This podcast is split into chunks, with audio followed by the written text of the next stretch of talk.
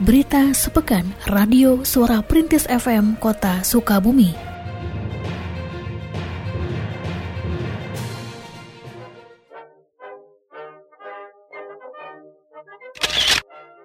Sebanyak 39 calon pegawai negeri sipil CPNS terdiri dari 30 orang tenaga pendidik, 6 orang tenaga kesehatan, dan 3 orang tenaga administrasi pada pemerintah kota Sukabumi mengikuti pelatihan dasar CPNS.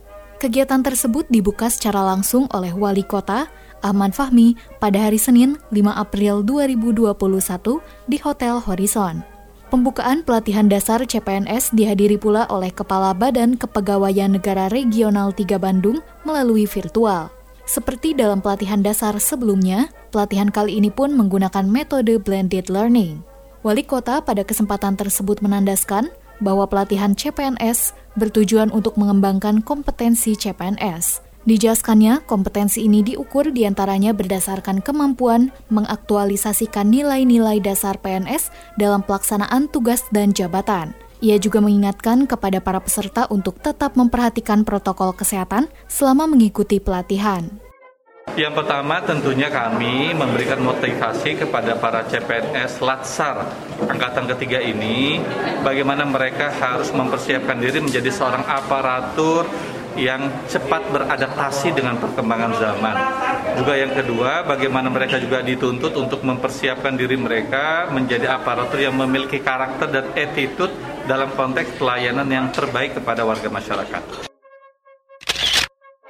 Sebanyak 20 orang peserta yang merupakan wakil kota Sukabumi dalam seleksi tilawatil Quran dan Hadis atau STKH Provinsi Jawa Barat mengikuti training center tilawatil Quran kota Sukabumi. Training center tersebut dibuka secara resmi oleh Wakil Wali Kota Andri Setiawan Hamami pada hari Selasa 6 April 2021 bertempat di Hotel Bounty. Dalam kesempatan tersebut, Wakil Wali Kota menandaskan bahwa kegiatan training center harus menjadi semangat untuk menumbuhkan nilai religiusitas dan mengimplementasikan nilai-nilai luhur yang terkandung dalam Al-Quran. Ia juga mengingatkan kepada seluruh peserta training center agar bersungguh-sungguh supaya bisa tampil secara maksimal. Sementara itu, Ketua LPTK Kota Sukabumi, Cecep Mansur, menjelaskan bahwa target pada STKH Provinsi Jawa Barat adalah masuk di lima besar. Dijelaskan pula bahwa training center memiliki salah satu tujuan agar para peserta konsisten untuk memberikan yang terbaik bagi Kota Sukabumi.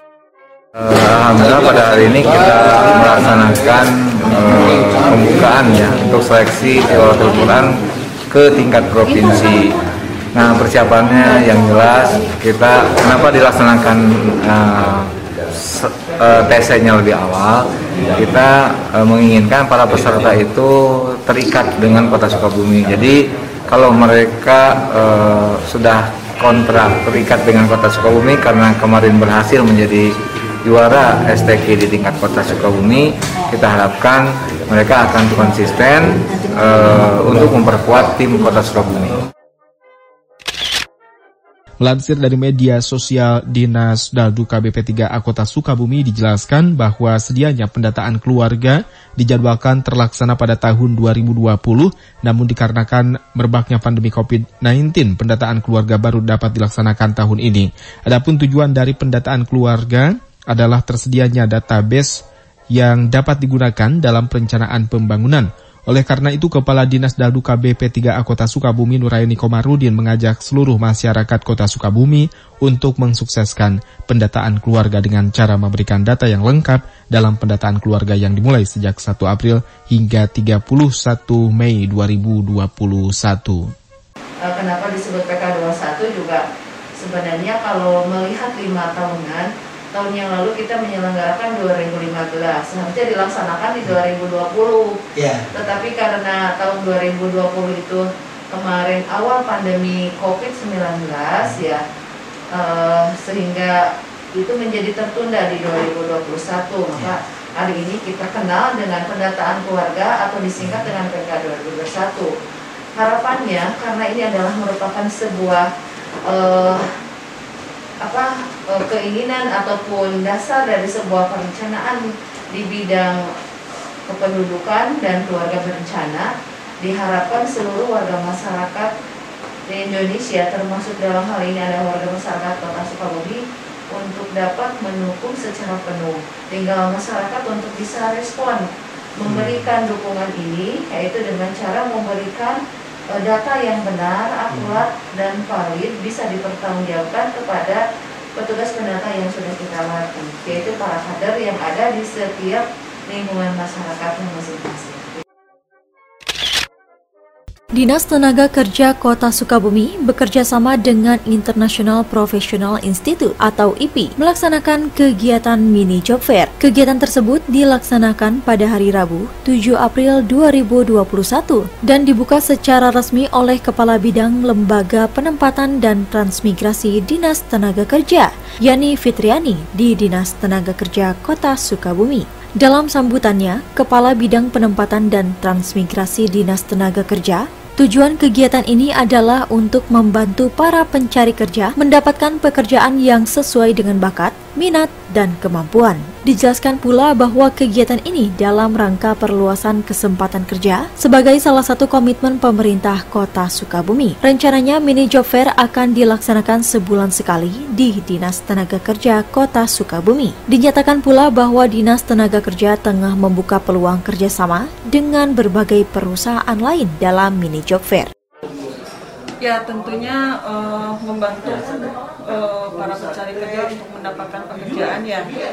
Uh, selain uh, diberikan apa untuk skill juga langsung ditempatkan uh, melalui apa kita kerjasama dengan uh, PKIP ini. Sementara uh, kita baru 13 perusahaan kemudian dua LPK. Hmm. LPK masih menunggu konfirmasi yang baru bisa berjalan hanya baru IP aja. Hmm. Perusahaan ke ada dari rumah sakit, kemudian uh, apa uh, Indogrosir, hmm. Indogrosir sama Garment. Hmm sih kita minimal mengadakan jogan mini itu minimal sebulan sekali. Tapi pengennya kita uh, dua minggu sekali tapi minimal sebulan sekali itu uh, harus harus dilaksanakan Sedangkan itu, perwakilan IPI, Eko Zulkarnain, mengatakan bahwa dengan mini job fair, pihaknya bersama Dinas Tenaga Kerja Kota Sukabumi membuka peluang bagi warga Kota Sukabumi yang ingin memiliki karir bekerja ke luar negeri. Kalau dibilang kendala mungkin bukan kendala hanya saja itu ada dinamika karena kondisi ada beberapa destinasi negara yang memang lockdown dan ada beberapa perusahaan juga yang memang tidak membuka untuk langsung menerima penerimaan secara offline. Hmm. Tapi ada juga beberapa negara yang seperti kita tadi sudah sampaikan di kelas pengarahan untuk ke mereka KIP yang sudah ada izin atau jaminan bisa memberangkatkan di destinasi ataupun perusahaan-perusahaan tertentu. Hmm. Artinya masih ada peluang walaupun tidak sebanyak ketika normal ya, tapi di saat pandemi tetap masih ada peluang untuk warga negara Indonesia kita masih bisa bekerja, peluang kerja itu masih banyak. Hmm. Kita di, di sekarang jujur aja kita di 40% penerimaan yang biasanya 100% hanya 40% kita bisa uh, apa mengadakan peluang-peluang kerja yang memang sudah disetujui atau sudah ada uh, garansi dari pemerintah. Hmm. Artinya targetnya seperti ini bahwa kami dengan dinas IP dengan dinas tenaga kerja ini tentunya masih membuka peluang untuk kerja.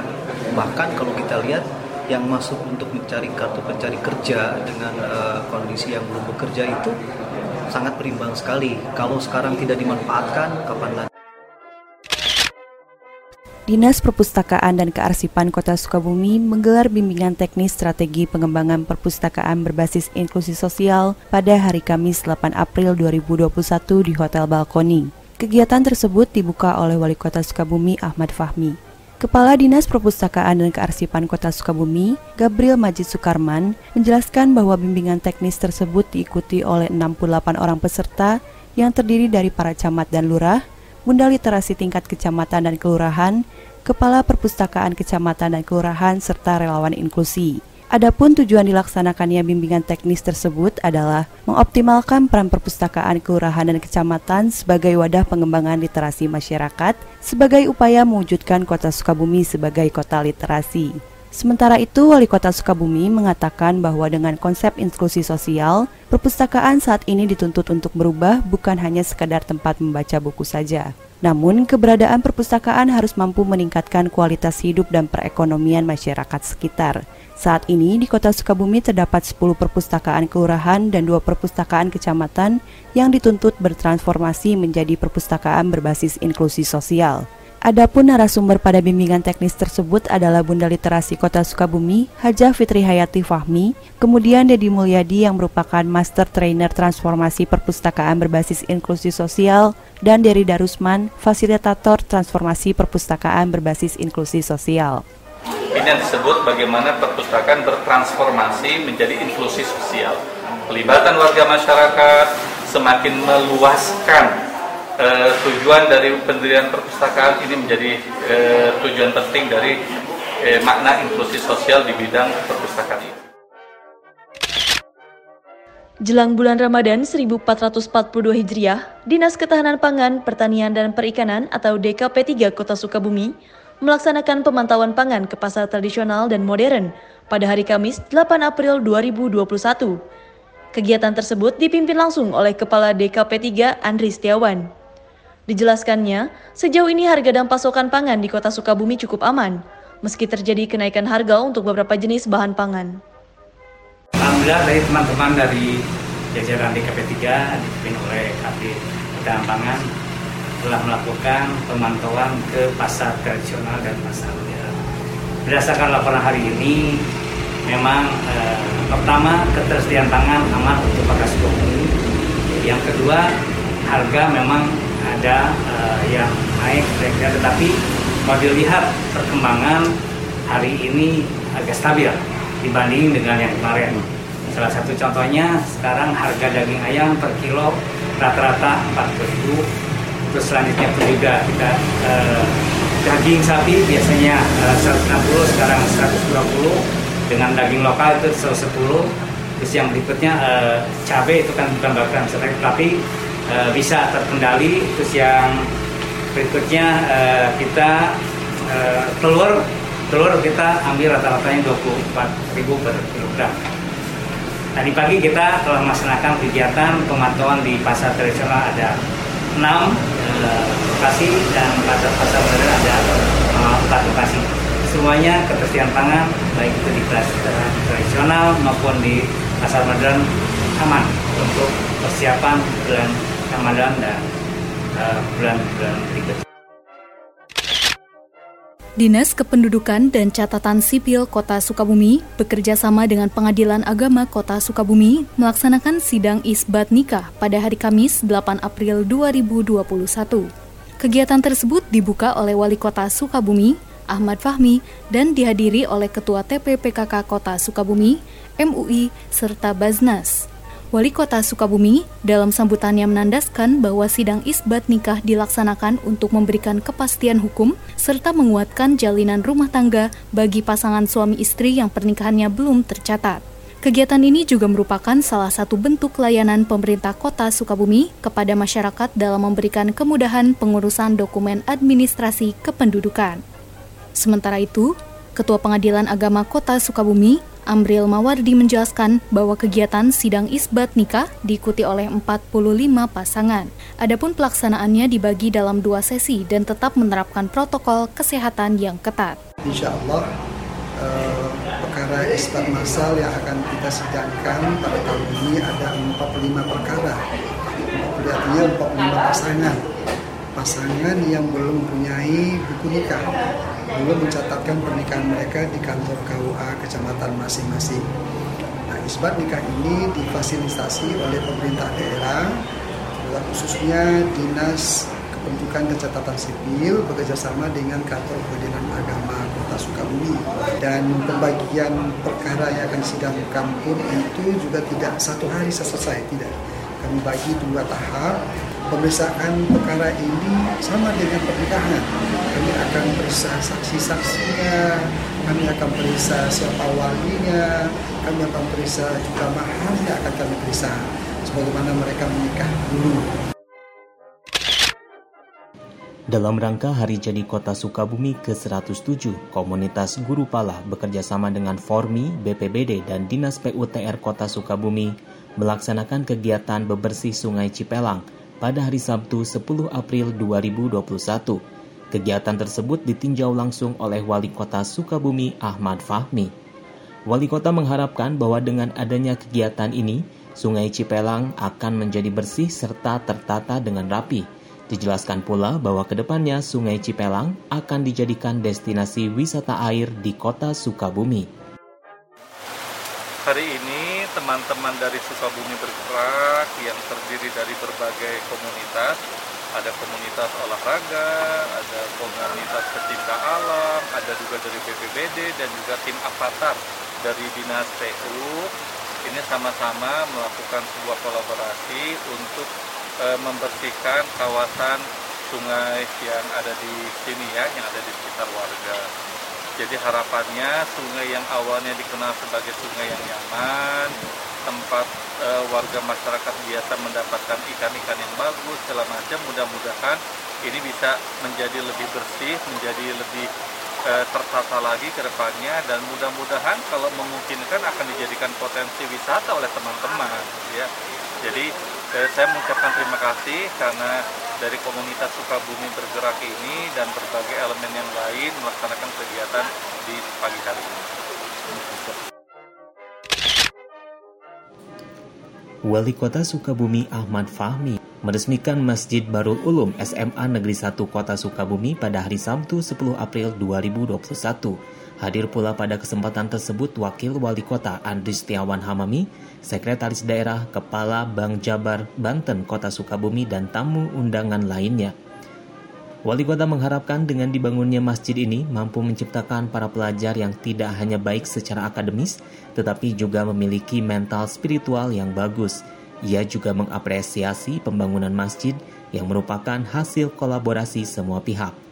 Sementara itu, Kepala SMA Negeri 1, Rahmat, menuturkan bahwa masjid ini terbangun atas donasi alumni, komite sekolah, serta para orang tua murid dengan total biaya pembangunan mencapai 1,1 miliar rupiah.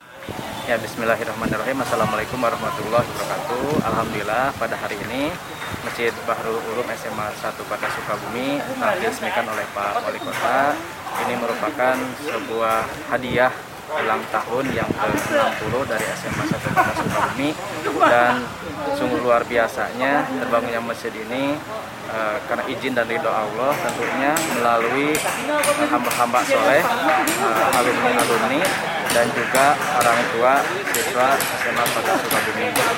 Yang mana bahwa masjid itu sangat vital adanya uh, di sekolah dikarenakan merupakan bagian dari uh, proses pendidikan khususnya untuk menuju lebih iman dan takwa. Pembangunannya ini kurang lebih dari bulan Oktober ya, ya kurang lebih hampir enam bulan ya, hampir sampai hari ini sampai enam bulan, enam bulanan lah kurang lebih. Ini terbilang cepat juga ya dalam kondisi seperti ini. Ya, ya tadi ya, ya kita banyak daya dukung dari berbagai pihak, khususnya keluarga besar SMA 1 Kota.